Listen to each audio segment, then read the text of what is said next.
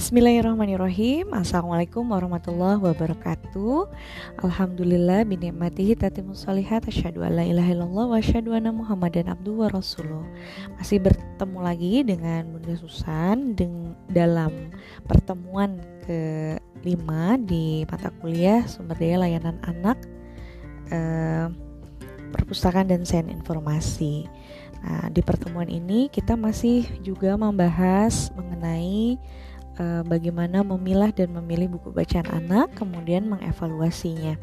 Kemarin Anda sudah melakukan identifikasi ya, mengisi identifikasi form untuk uh, pemilihan buku bacaan anak.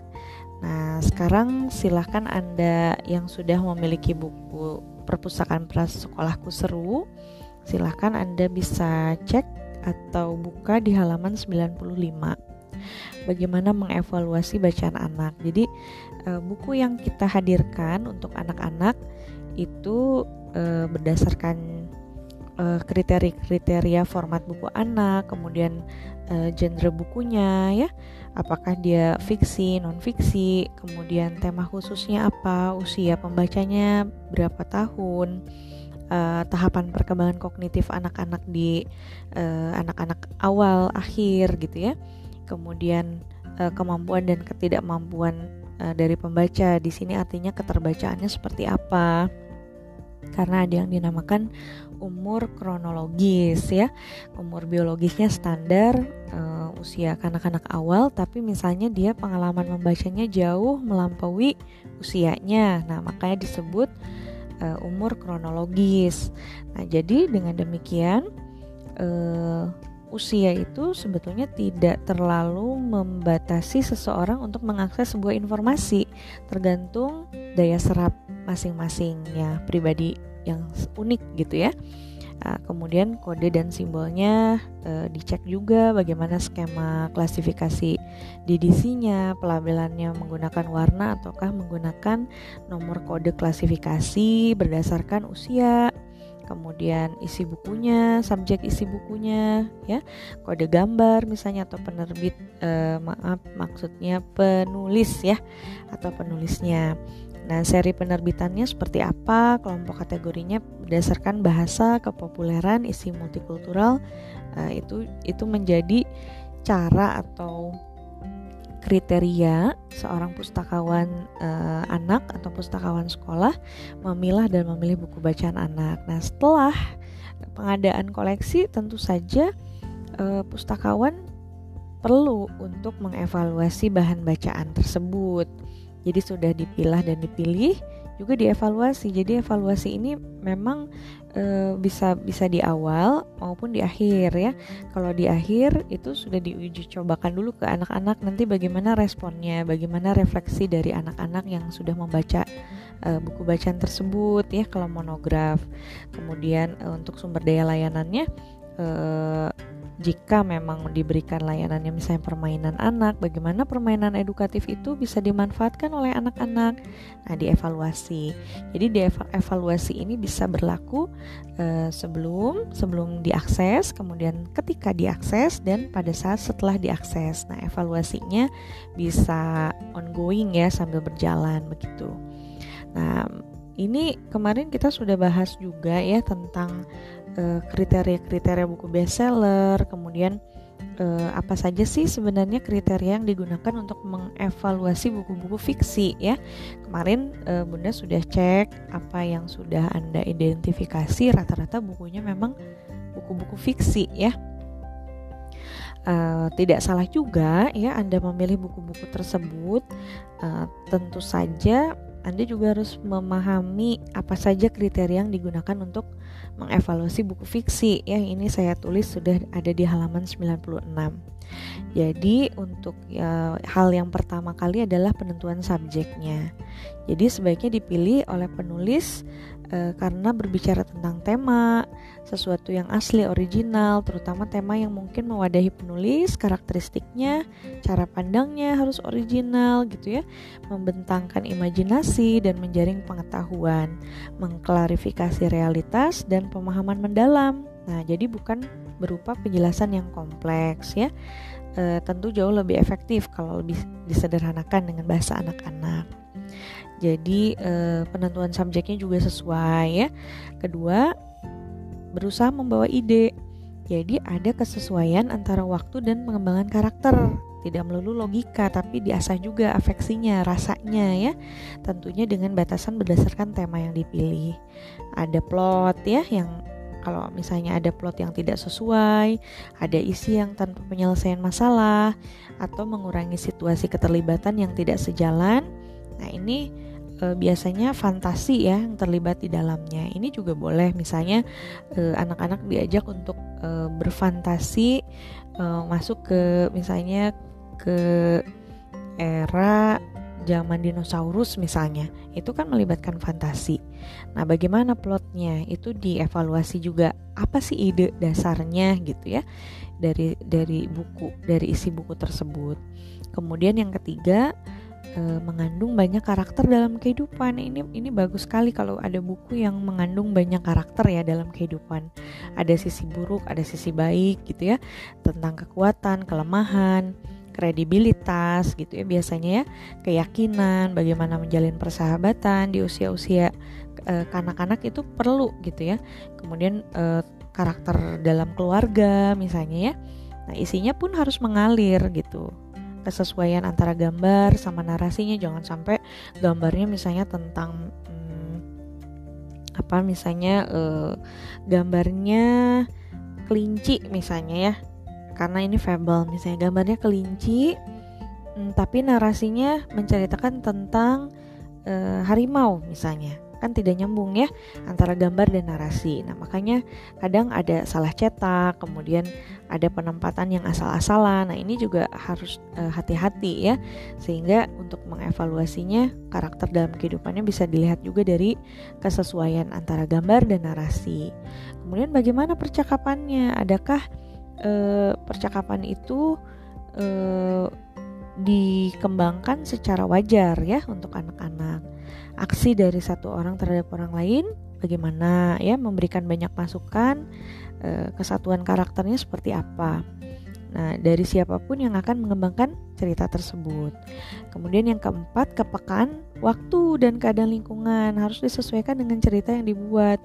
Waktunya lampau kah, sekarang kah, atau masa depan. Jadi ini juga e, penting untuk menunjukkan realitas waktu ya pada anak-anak.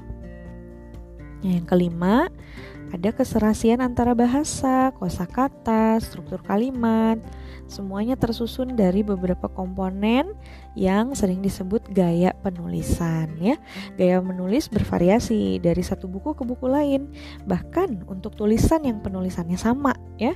Jadi kalau kita bandingkan lewat tema-tema tulisan yang sejenis, kadang penulis punya ciri khas gitu, punya pola-pola kata yang memudahkan kita bisa mengidentifikasi apakah dia penulis besar, penulis produktif atau penulis rumus ya.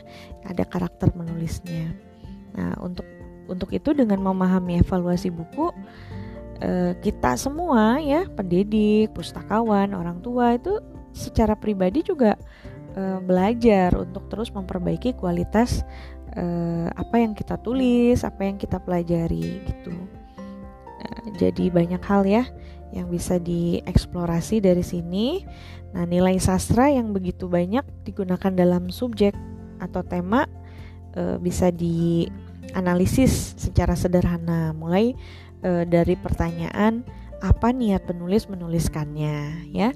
Kemudian bagaimana dia coba mengungkapkannya. Terus, apakah dia berhasil mencapainya? mencapai tujuannya ya sasarannya kalau tidak kenapa tidak bisa ini sudah kita bahas kemarin nah kemudian eh, apa saja sih informasi yang harus kita cari dari buku jadi sebagai seorang pustakawan guru di prasekolah di sekolah ada baiknya kita melatih kepekaan informasi dari monograf atau buku ya atau film nah beberapa fitur Eh, berlaku untuk sebagian besar informasi buku, misalnya kadar. Nah, kadar ini terdiri dari pertama lingkup luas atau sempitnya ya secara spesifik. Bagaimana tingkat pengetahuannya? Apa poin yang sesuai dalam materi pelajaran tematik di prasekolah? Ya, kemudian yang kedua, keakuratan informasi faktualnya seperti apa, konten ilustratifnya, bukti generalisasi atau samar bias misalnya. Nah, jadi ketika misalnya seseorang penulis menggambarkan situasi sedang hanami misalnya di Jepang tapi dia sendiri belum pernah gitu ke Jepang atau belum bisa menggambarkan realitas e, kondisi faktual gitu ya secara ilustratifnya seperti apa. Mungkin penulisnya pernah ke Jepang tapi mungkin yang me menuliskan atau menggambarkan ilustrasinya tidak belum pernah. Makanya ini juga akan jadi e, bahan diskusi ya ketika merumuskan sebuah e, publikasi buku untuk anak-anak Kemudian yang ketiga, informasi dalam perkembangan yang logis ya. E, jadi perkembangan informasinya seperti apa? Seperti misalnya kalau sebuah buku menerangkan tentang planet, nah, ada perkembangan baru bahwa planet e, Pluto itu tidak termasuk dalam susunan tata surya lagi misalnya jadi Pluto dihilangkan. Tapi di situ masih tercantum misalnya. Jadi tidak update ya informasi perkembangan yang logisnya. Kemudian yang keempat informasi kekinian. Ya, yang berikutnya adalah kada setelah, setelah kadar adalah kewenangan. Bagaimana informasi otoritas atau kewenangan dapat dinilai dengan apa pun ya?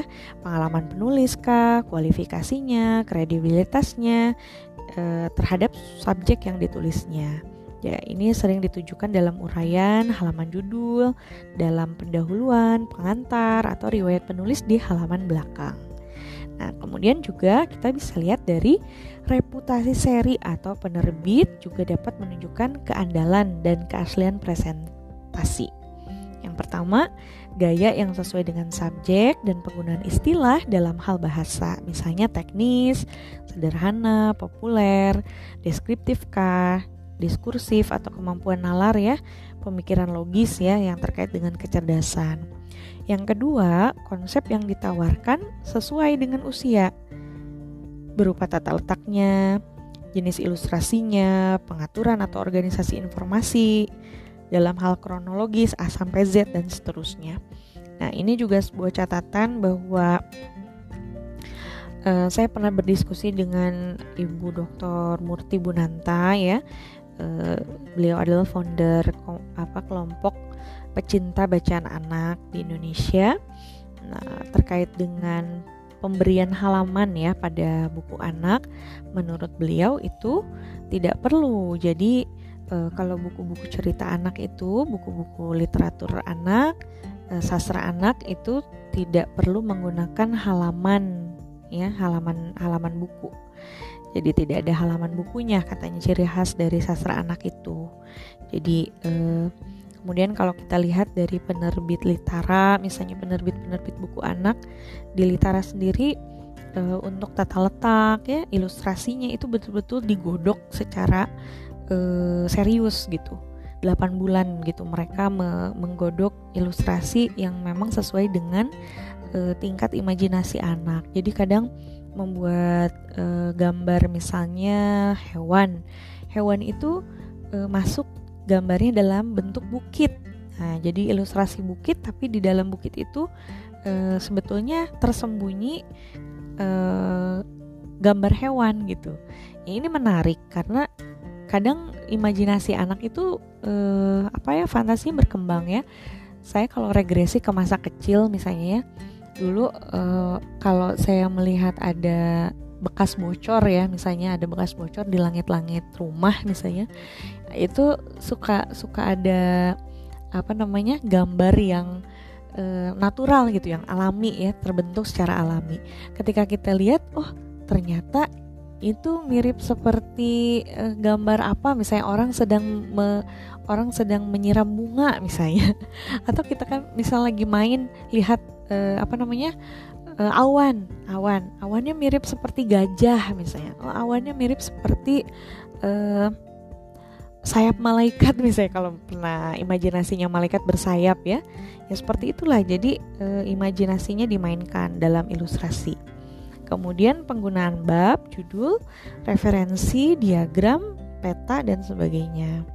Nah, kalau di sini kan e, buku-buku anak biasanya untuk penggunaan sumber primer ya disesuaikan aja gitu tidak harus e, mesti ada ya kemudian kehadiran fitur yang bermanfaat misalnya daftar gambar, tabel ya, halaman buku, glosarium, uh, kamus ringkas, daftar bacaan yang lebih lanjut yang cocok. Misalnya kita lagi bahas soal uh, misalnya negara Indonesia, misalnya apa saja yang terkait dengan uh, negara Indonesia yang kita bahas misalnya kulinernya. Nah, kalau adik-adik mau tahu tentang kuliner di Indonesia, uh, referensi bukunya ini gitu itu bisa disertakan itu jadi uh, semacam metadata ya tapi kalau di dalam buku ya referensi namanya jadi menunjukkan ide-ide atau subjek yang sejenis untuk bahan buku bahan bacaan yang lain gitu. Nah, uh, petunjuk kemudahan penggunaan misalnya ada panah menunjuk dari teks ke ilustrasi yang relevan, juga penempatan ilustrasinya. Nah, terkait dengan ilustrasi nih, pentingnya informasi visual terutama warna ya. Karena warna itu sendiri memberikan informasi sesungguhnya gitu. Jadi, untuk anak-anak memang warna ini e, turut memberikan peran ya dalam pengembangan e, kognitifnya. Kemudian yang kedua relevansi dengan teks, banyak ilustrasi dekoratif ketimbang informatif gitu. Jadi tulisannya susah terbaca gitu. Terus dekorasi dekorasinya terlalu rame tapi nggak kebaca. Misalnya banyak juga buku-buku anak yang e, asal gitu ya dibuatnya dia tidak kontras. Jadi tulisannya itu tertutupi oleh warna dasar. Jadi tidak terbaca dengan jelas. Posisi dalam teks untuk memungkinkan pembaca mengaitkan apa yang dibaca dengan apa yang dilihat. Itu juga penting. Gaya ilustrasinya misalnya mewakili isi, abstrak, fotografi, sumber bacaan bergambar asli. Yang kelima, penekanan pada sesuatu yang mungkin relevan daripada meninggalkan pembaca untuk memutuskan apa yang harus mereka cari dengan cara menebak-nebak gitu. Nah, terkait dengan format ya, format ukuran, eh, penjilidan yang cocok, kualitas kertas, nah, bagaimana pencetakannya itu juga penting ya kalau untuk anak-anak.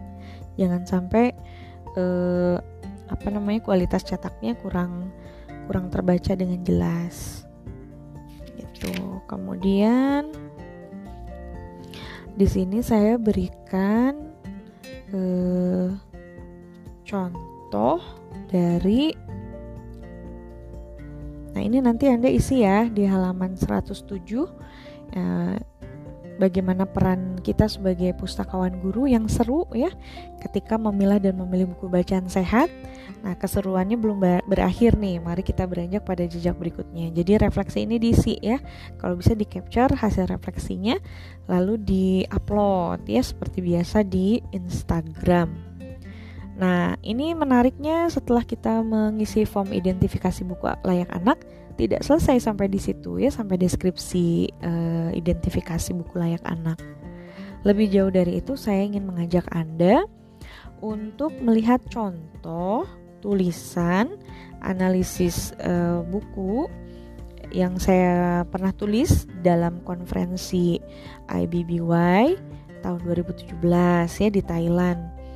The third uh, Asia Oceania Regional IBBY tahun 2017 ini uh, ada temanya, temanya Children's Book in the Digital Age. Nah, kesempatan konferensi ini uh, saya manfaatkan untuk berbagi ide tentang biblioterapi pada anak. Nah, biblioterapi preventif atau pencegahan yang berfokus pada bagaimana memilah dan memilih buku bacaan sehat gitu ya. Nah, ini uh, Anda sudah berpengalaman sebenarnya untuk menganalisis buku ya. Cuma kemarin mungkin uh, waktu waktu mata kuliah biblioterapi ada yang kebagian remaja, dewasa, lansia ya, belum berkesempatan untuk buku anak. Nah, sekarang kita fokus pada buku anak yang kemarin Anda sudah uh, lakukan identifikasinya ya. Jadi berlanjut gitu. Jadi setelah diidentifikasi buku layak anak, Anda buat sama seperti yang saya buat dalam tulisan tersebut di. Anda nanti akan saya kirimkan linknya di dalam grup ya. Silahkan nanti dicek di download langsung dari ResearchGate. Kemudian Anda buat uh, artikelnya seperti itu. Nah dalam pembicaraan sebelumnya uh, kita sering menyebut-nyebut istilah anak-anak. Nah, di sini istilah anak-anak ini kan uh, mengacu kepada insan yang berusia 2 sampai 12 tahun. anak prasekolah dan sekolah dasar. Nah, ditinjau dari segi usia, anak-anak prasekolah ada empat kelompok juga. Nah, anak sekolah dasar ada tiga kelompok. Ini yang diungkapkan sama Norton ya tahun 1988. Jadi, anak prasekolah itu range-nya kisarannya antara 2 sampai 6 tahun. Ada prasekolah awal 2 sampai 3 tahun, prasekolah tengah 3 sampai 4 tahun, prasekolah akhir 4 sampai 5 tahun dan prasekolah taman kanak-kanak usia 4 sampai 6 tahun. Nah, kemudian ada anak sekolah dasar. Anak sekolah dasar itu usia 6 sampai 12 tahun. Mereka sekolah dasar awal ya usia 6 sampai 8 tahun, kelas 1 2 3 ya. Kemudian sekolah dasar tengah usia 8 sampai 10 tahun dan sekolah dasar akhir usia 10 sampai 12 tahun. Nah, hal ini berpengaruh pada pemilihan jenis buku sastra yang kita bahas di pertemuan awal e, dari segi psikosastra telaahan mengenai sastra anak-anak berdasarkan fungsi dan nilainya dalam kaitannya dengan perkembangan bahasa, perkembangan kognitif, perkembangan kepribadian, perkembangan sosial anak-anak, sampai pada ciri-ciri dan implikasinya dalam pengajaran sastra. Jadi ini perlu mutlak dimiliki pengetahuannya oleh pustakawan, guru, orang tua dan semua pendidik juga orang dewasa.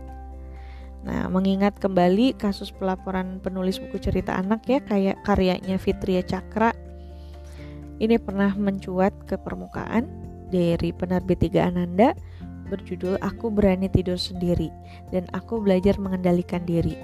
Buku tersebut sudah ditarik dari peredaran sejak Desember 2016. Nah, karyanya ini dikritik dan dihujat karena apa? Karena memunculkan muatan masturbasi ya pada salah satu bagian ceritanya.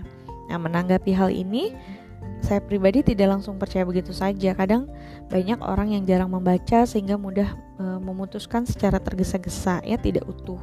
Hanya sebagian-sebagian yang mereka baca dan hal serupa pernah terjadi pada buku luar negeri yang mengangkat tema tentang pelecehan seksual pada anak. Nah, di media sosial bagian yang dimunculkan hanya bagian tertentu, tidak utuh. Hal ini mengundang hujatan juga. Jadi jika buku tersebut ditulis dalam rangka mengonstruksi makna pada anak prasekolah yang memang sedang dalam fase eksplorasi, asalkan membacanya didampingi, ini justru akan membantu orang tua gitu ya pada kasus tertentu ketika anak mengalami hal yang sama gitu seperti apa yang dituliskan dalam buku. Jadi intinya buku tersebut tetap bisa digunakan dengan catatan orang tua, pustakawan, dan guru ikut membimbing ya. Pasti akan lebih kaya deh penanaman moralnya, ahlaknya, adabnya ya. Buku juga mungkin akan menjadi gerbang pembuka pembahasan. Nanti muaranya pada pendekatan religiusitas gitu. Oke, pendek kata kita harus menumbuh kembangkan apresiasi baca dan sastra anak-anak kita khusus kepada guru dan pustakawan disarankan agar satu anak prasekolah mereka gitu ya diberikan kesempatan membaca setiap hari. Ya, yang kedua, mengetahui serta memahami minat anak prasekolah dan membantunya menemukan atau mendapatkan buku yang sesuai dengan minat tersebut. Yang ketiga, memberikan informasi kepada peserta didik prasekolah tentang buku karya sastra untuk memberikan kesempatan ya dalam mendiskusikannya gitu antar sesama teman atau dengan guru. Ya, kita kembali lagi ke tentang memilah buku bacaan sehat. Sastra anak yang sehat itu menurut Tarigan nah, e, bisa dibagi menjadi dua hal, yaitu nilai intrinsik dan nilai ekstrinsik. Nah, mengungkapkan bahwa nilai intrinsik uh, dari sebuah karya sastra anak itu akan mendatangkan manfaat bagi kehidupannya sampai 30 tahun mendatang. Nah, nilai intrinsik ini pertama kontennya memberikan kesenangan, kegembiraan, kenikmatan kepada kanak-kanak Nah, cirinya terletak pada sajian pengalaman-pengalaman baru dan wawasan-wawasan baru yang memperluas cakrawala anak. Sebelum anak dituntut menguasai keterampilan membaca, anak-anak perlu menemukan kegembiraan dengan buku-buku. Kedua, isi buku sastra anak tersebut memupuk dan mengembangkan imajinasi. ya, imajinasi anak-anak. Membantu anak mempertimbangkan dan memikirkan alam ya insan uh, pengalaman, gagasan dengan berbagai cara. Sesuatu gagasan atau ide yang belum terpikirkan sebelumnya hingga anak bisa memberikan jawaban atas pertanyaan bagaimana atau apa jadinya kalau titik-titik gitu ya. Kemudian yang ketiga, nilai intrinsik ini menunjukkan bahwa isi buku dapat memberikan pengalaman-pengalaman baru. Pengalaman aneh yang seolah-olah dialami sendiri oleh sang anak. Mengenai petualangan, rangsangan, dan perjuangan melawan unsur-unsur tersebut atau rintangan-rintangan, kendala-kendala lainnya dalam hidup dan kehidupan di dunia ini. Yang keempat, isi buku sastra anak bisa mengembangkan wawasan menjadi perilaku insani jadi sastra itu kan sebenarnya merefleksikan kehidupan, tapi kenyataannya tidak ada buku yang dapat memuat segala segi atau aspek kehidupan secara sekaligus kan? Jadi buku anak bisa menggambarkan hal yang koheren kepada anak-anak betapa insan-insan lainnya juga hidup gitu dan eh, terjadi kapan saja dan di mana saja gitu. Apabila anak sudah memiliki kesadaran luas tentang kehidupan orang atau bangsa lain, mereka akan mudah deh memahami yang lebih baik tentang diri mereka sendiri, juga orang lain di sekitar mereka. Jadi dengan banyak membaca, anak-anak eh, dapat memperoleh berbagai persepsi pribadi sendiri mengenai sastra dan kehidupan. Jadi anak-anak akan memiliki wawasan yang e, nantinya berubah jadi perilaku insani atau human behavior. Jadi dari abstrak menjadi konkret. Kelima, isi buku sastra anak yang memperkenalkan kesempatan pengalaman, universalia pengalaman ya, kesemestaan kepada anak mengenai makna kehidupan dan hubungan-hubungan umat manusia dengan alam dan orang lain. Jadi sastra ini membantu anak ke arah pemahaman yang lebih luas tentang ikatan-ikatan, hubungan-hubungan yang umum dan wajar. Jadi sebuah rekaman yang disajikan tentang sesuatu yang tidak pernah terpikirkan.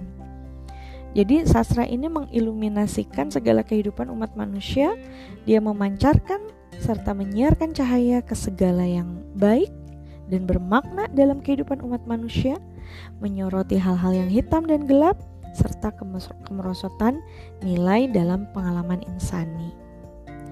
Yang keenam, isi buku sastra anak menurunkan warisan sastra dari generasi terdahulu Nah, di sini adanya pengembangan sikap-sikap positif anak ke arah budaya kita sendiri, budaya bangsa lain sangat penting bagi perkembangan sosial dan pribadi anak. Pengembangan apresiasi warisan etnik kelompok-kelompok minoritas. Jadi, selanjutnya unsur lain yang menjadi bahan pertimbangan pemilihan buku novel anak adalah nilai ekstrinsik ya. Jadi tadi nilai intrinsiknya ada 6, uh, apa saja yang termasuk dengan nilai intrinsik dan sekarang nilai ekstrinsik. Sebenarnya keduanya tidak terpisah, tapi saling terpaut. Ya, ibarat dua sisi mata uang, nilai ekstrinsik sastra bagi pendidikan anak yang pertama adalah menunjang perkembangan bahasa. Dengan menyimak atau membaca karya sastra, maka secara sadar atau tidak sadar pemerolehan bahasa anak semakin meningkat, jadi kosakatanya bertambah. Dan ini akan menunjang keterampilan bahasa anak. Jadi psikosastra ini erat dengan psikolinguistik dan pemerolehan bahasa atau language acquisition, ya. Yang kedua, nilai ekstrinsik ini menunjang perkembangan kognitif atau penalaran anak. Bahasa ini berhubungan dengan penalaran anak. Semakin terampil anak berbahasa, semakin sistematis juga mereka cara berpikirnya. Kognisi atau penalaran mengacu pada berbagai proses, persepsi, ingatan, pertimbangan, wawasan, dan refleksi. Praktik atau operasi yang bisa dilakukan orang tua, guru, atau pustakawan dalam keseharian anak bisa berupa praktik yang dikembangkan melalui buku dan sastra anak, misalnya mengamati, membandingkan, mengklasifikasikan, menghipotesiskan, mengorganisasikan, merangkum, menerapkan, dan mengkritisi. Yang ketiga, menunjang perkembangan kepribadian. Bagaimana sastra tersebut dapat membangun kemampuan mengekspresikan emosinya, mengekspresikan empatinya terhadap orang lain, dan mengembangkan perasaan terkait harga diri dan jati dirinya. Ini dipengaruhi oleh faktor uh, tokoh ya dalam sastra anak tersebut dan tanpa disadari, tanpa mereka merasa dinasehati, anak-anak belajar mengendalikan berbagai emosi dari tokoh, misalnya cemas, benci, khawatir, takut, bangga, sombong, angkuh. Nah, semuanya itu ada dalam biblioterapi. Anda bisa mempelajari lebih jauh uh, dalam buku yang berjudul uh, Biblioterapi Pengasuhan ya. Kemudian nanti anda coba hasilnya sangat memuaskan. Kemudian yang keempat, menunjang perkembangan sosial.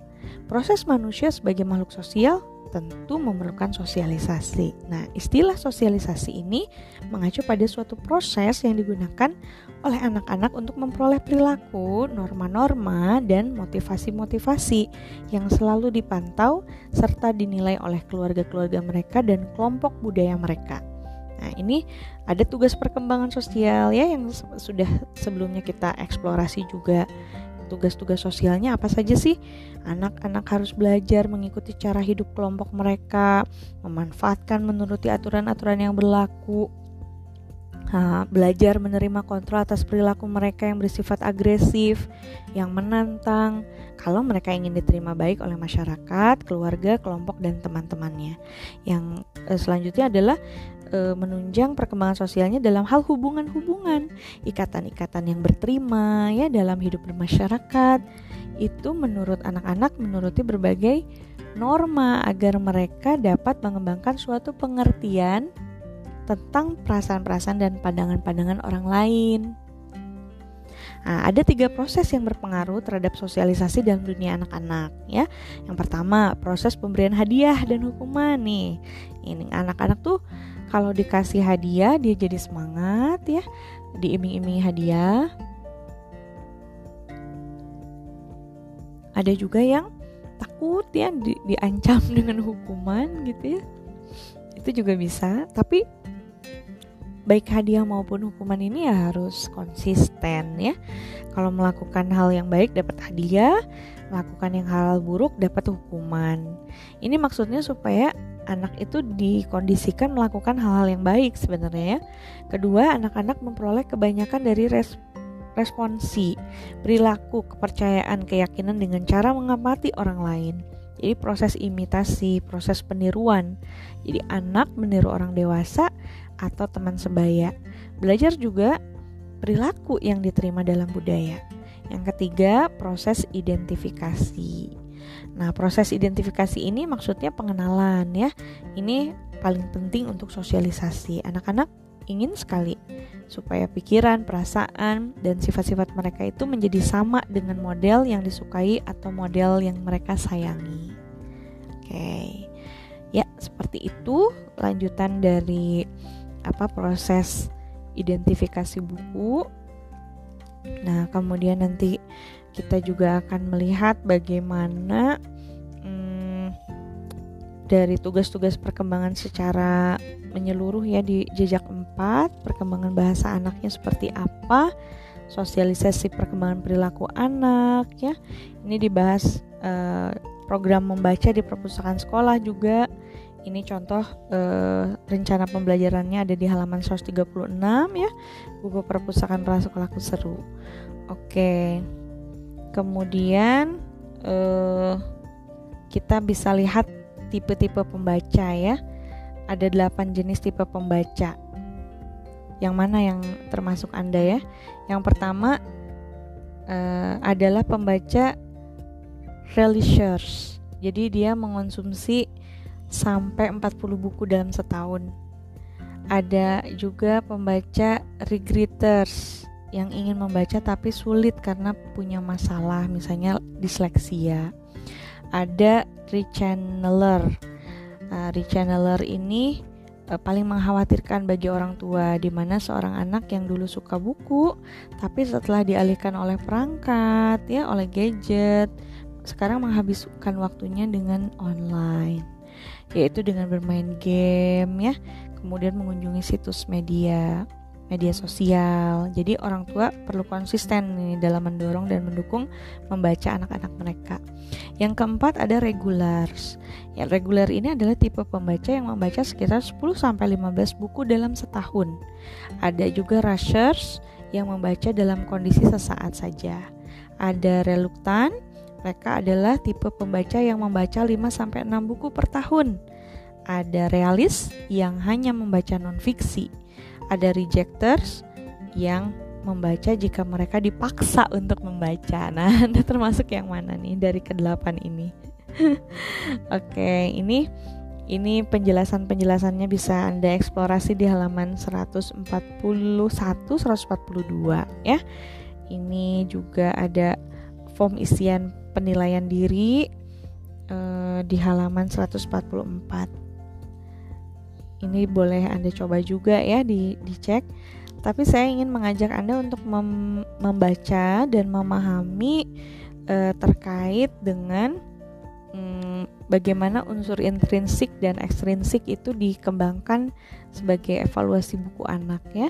Silahkan nanti e, saya kirimkan linknya di grup, kemudian Anda download personal eh, masing-masing ya mendownloadnya tidak boleh menerima uh, filenya dari teman yang sudah mendownload, Anda Anda sendiri yang harus mendownloadnya langsung ke ResearchGate. Oke, okay? uh, eh, sampai sini dulu um, penjelasan dari saya. Nanti jika ada yang ingin bertanya atau yang kurang jelas, silahkan bisa ditanyakan di grup. Oke, terima kasih atas perhatiannya. Alhamdulillahirobbilalamin. Astagfirullahalazim. Astagfirullahalazim. Astagfirullahalazim dan doa akhir majelis subhanakallahumma wa bihamdika asyhadu alla ilaha illa wa Wassalamualaikum warahmatullahi wabarakatuh.